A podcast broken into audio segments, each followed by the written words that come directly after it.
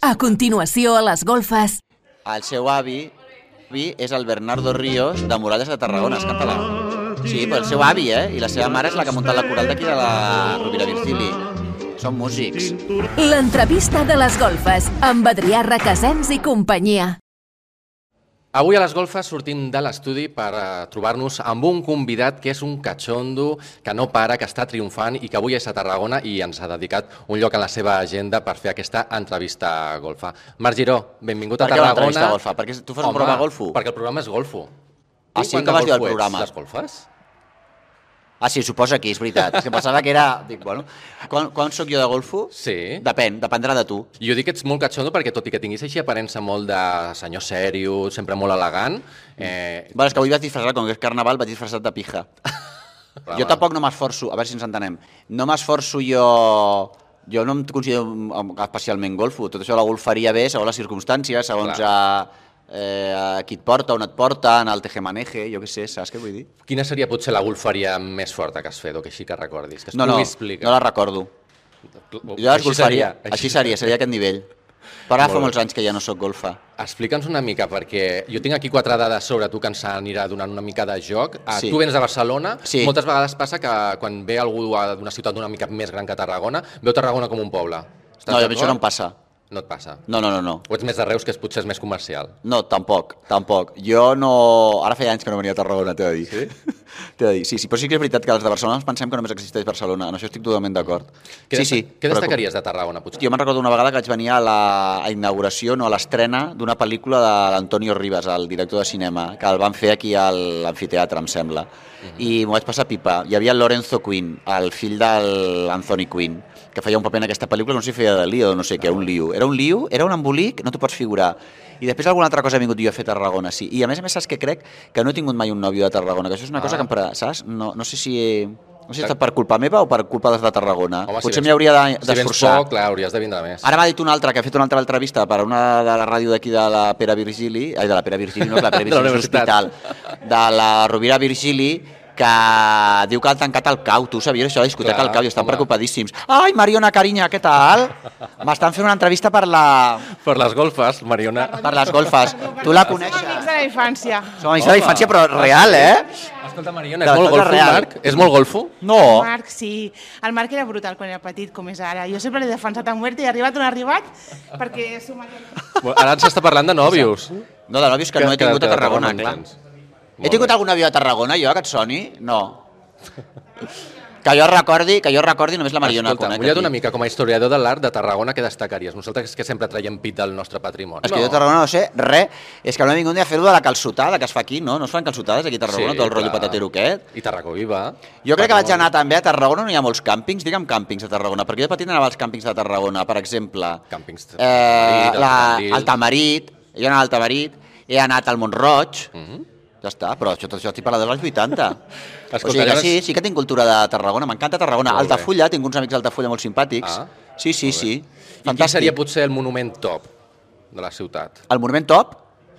No en tinc ni idea. Amfiteatre? Però jo que sé, l'amfiteatre, les catacumbes deveu tenir també, coses d'aquestes, la muralla de Tarragona. Doncs pues has de vindre una mica a conèixer el Sí, patrimoni ja, de la ja, ciutat. tot completament. No? A Tarragó La Viva. gastronomia, tot això també deu haver-hi, nosaltres no? tenim molt de llegat romà. Llegat romà. Si ens traslladéssim a l'antiga Sí. Roma, A aquelles l'antiga- bacanals romanes, Sí. quins quatre famosos situaries que no podrien faltar amb els que tu passaries teta? És que no sóc mitòman, o sigui, vull dir-te, no, no sabria dir-te ara mateix. O sigui, el... quatre famosos per anar a fer una bacanal. Pues no sé. No tinc ni idea, mira, m'has pillat. Tu has entrevistat molta gent amb els que tu hagis passat millor. Mira, jo l'altre dia... Eh, que, és que m'ho passo... Jo, quan entrevisto, m'ho passo en línies generals, m'ho passo sempre bé.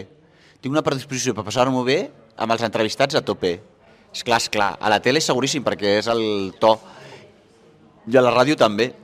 O sigui que, sí, no sé. Si no, ja no els convides, no? Si no És que de sobte, també això de les bacanals, estic pensant que de sobte, si tu vas a una bacanal i coneixes algú, és una mica un rotllo, no? És una mica Ja. una tallada de rotllo. Vas a una orgia, coneixes, jo què sé, que trobes el teu cosí, dius, hòstia, vaya rotllo. No t'ha passat mai que vas a una sauna, per exemple, una sauna gai, i dius, hòstia, un de la meva classe, saps? I, i no sabia ningú que eres marica i pum, allà entre vapors et trobes... Mm. Clar, millor no trobar-se algú conegut o si no anar Bueno, depèn també, perquè de sobte... Home, És sí. que no sé, no? Però...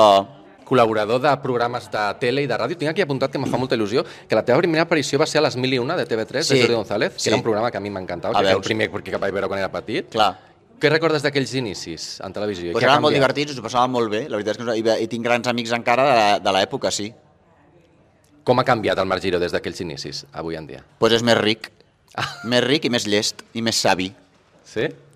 Infinitament més ric i més llest i més savi. I avui, Millor. avui en dia ja tens el teu propi programa de ràdio i de sí, tele, també. exacte.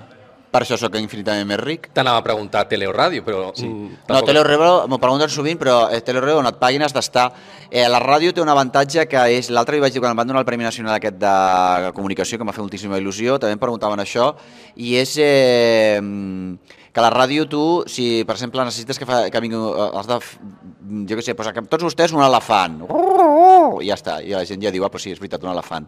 Ara perquè es grava tot, però bueno, i tot i així, eh, i a la tele no, a la tele ha de venir l'elefant, ha de passar per la porta, hi ha els permisos, les crítiques dels animalistes, a la productora no te'l porta, després l'has de retornar, l'elefant se't caga mig del plató, has de treure la tifa de l'elefant, la tele és l'hòstia. És. És una mica, és més lent, tot plegat és més lent, i depens més dels altres. La ràdio, si falla alguna cosa, eh, eh, pots, eh, eh, tens recursos eh, lingüístics, sigui, fonètics, per tirar endavant, diguéssim. I a la televisió, si falla alguna cosa, com per exemple que et caigui un foco al cap, doncs és tot més perillós. Tinc aquí apuntat ara el nom d'alguns professionals amb els que has treballat perquè ens diguis un adjectiu. Sí. Vale? Vinga, Toni Soler. Toni Soler és un geni, al, és, un, és un geni de... Jo he treballat amb ell a Platós i és un senyor, primer que porta molt de temps, però tot i així és un home que té una intuïció per l'espectacle, té un tipus de dramaturgia al cap i té una manera de fer que és increïble. El, jo amb la relació que tinc amb el Toni Soler sempre al pla... Jo normalment la, treball, tinc moltíssima relació amb moltíssima gent, només a plató, eh, diguéssim, perquè hi ha gent que després són amics fora o són Fora companys plató. o tal. Però jo, que treballo amb ell estrictament al plató, és un home que jo li he vist fer coses, o veu coses que ningú havia vist, o veu errors o coses que s'han d'ajustar, o coses que es poden millorar, o coses que s'han de rebaixar, o que s'han de pujar de to, i ho fa de forma... O sigui, té un cap privilegiat. Un privilegiat. Un adjectiu increïble, no? Increïble. Frank Blanco. Fran Blanco hi he treballat molt poc, però també és un... Jo he treballat molt poc. Vaig estar zapeando amb ell, no? Sí. I el, molt, però és molt simpàtic, és, no, no, no, Simpàtic, és vale. simpàtic, sí. Andreu Buenafuente. Bueno, Andreu Buenafuente té una altra cosa que és molt interessant, que eh, té una característica fonamental que és que és un pallasso. Eh, eh, i, és eh, de- d'una fragilitat molt interessant, eh, malgrat tota l'exposició pública que, que ell ha tingut i el tipus de coses que ha fet i, a, i, a, i a les, els eh, berenjenals en els que s'ha col·locat.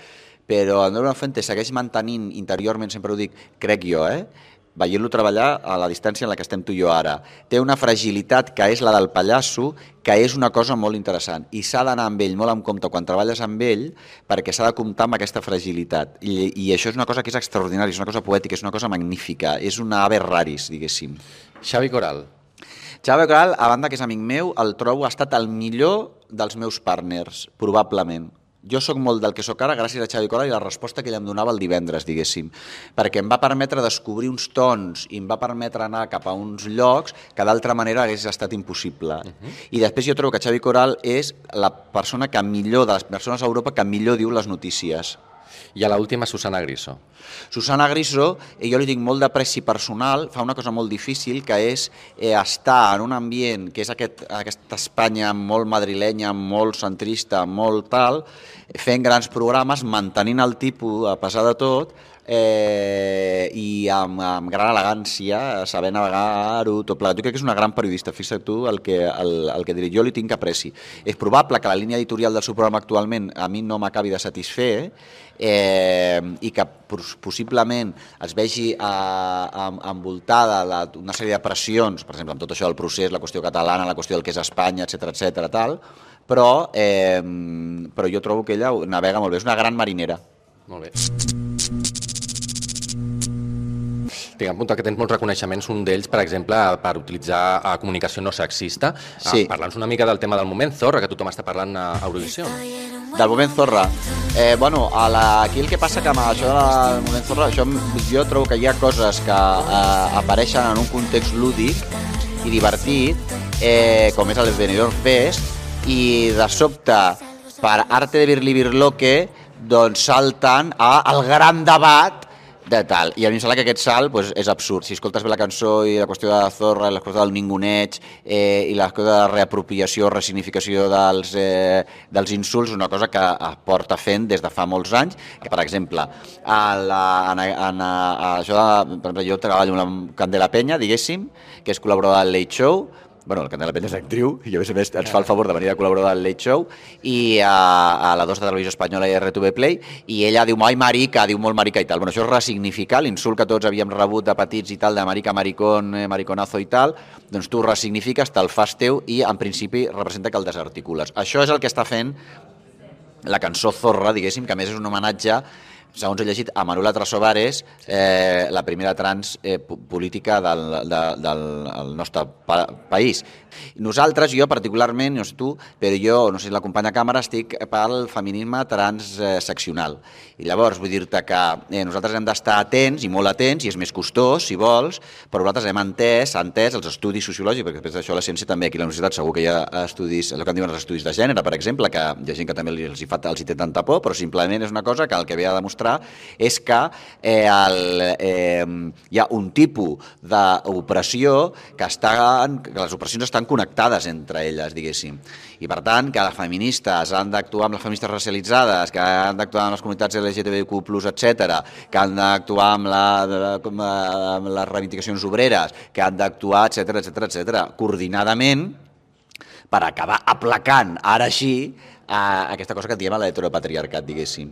I llavors, bueno, doncs, eh, zorres totes, clar que sí. I, I a més a més, insisteixo, que era una cosa alegre i divertida, no sé com dir-te. Llavors jo no sé exactament en quin moment nosaltres ens posem estupendes, saps què dir? Marc, juguem a les cartes golfes. Vale. Tu mateix pots remoure-les escollint dues. Les cartes golfes. Dues per contestar. Vale. Una i dues. Vinga, tu mateix llegeix-les. Mare de Déu, sense ulleres no veig res. Llegeix-m'ho tu perquè no les veig. Describeix el teu peor i mejor experiència sexual. A la meva primera experiència sexual, la millor... La Jo mejor i la soc molt- peor, sí. Jo sóc molt optimista. Sempre trobo que, sempre trobo que hi ha algú bo en les meves experiències, en les experiències sexuals a les que he tingut. No he tingut experiències sexuals eh, traumàtiques. I després també crec que he tingut una sexualitat, jo diria que eh, eh, sana. Eh, sana, eh, sana no m'agrada l'exactiu, però mm, eh, bastant mm, sostenible. I per tant, probablement no hagi tingut grans polvos, però tampoc he tingut grans fracassos. Vale? I l'altra és si alguna vegada has mirat alguna altra parella tenint sexe, sí o no, i si t'agradaria. No entenc la pregunta. Si has estat voyeur, veient algú follant. Sí, home, eh, jo recordo una vegada que vaig arribar molt tard de Madrid, jo vivia a Lavapiés, i feia una calor espantosa, vaig sortir a la terrassa, eh, pues jo què sé, a regar les plantes, perquè venia de Barcelona, i a, la, i a davant hi havia dos tios fotent un polvo, però magnífic, diguéssim. Jo em vaig quedar al·lucinat. Però eren dos preciositats de tios, fotent un, un polvo genial. Vaig pensar, pues ole, ole tu. Quines ganes d'unir-se, no? Una gana d'unir-se total. Escolta, i a l'última, el programa, vostè primer. Si tinguessis que tornar a començar, quin famós que tinguis pendent li diries vostè primer al programa? No, és que jo no tinc res pendent mai. No? No. No, no. Jo sóc eh, presocràtic. No, hi ha, no tinc assumptes pendents ni, ni delits excessius, ni desitjos excessius, perquè sóc presocràtic. Doncs pues, Marc, moltes gràcies per haver-nos Moltíssimes gràcies acompanyat. a tu, eh? A les golfes i A que les tinguis golfes a tope total. Moltes Moltíssimes gràcies, estimat. I a vosaltres gràcies també per haver-nos acompanyat en Sí. aquesta entrevista a golfa. Fins la propera. Adeu.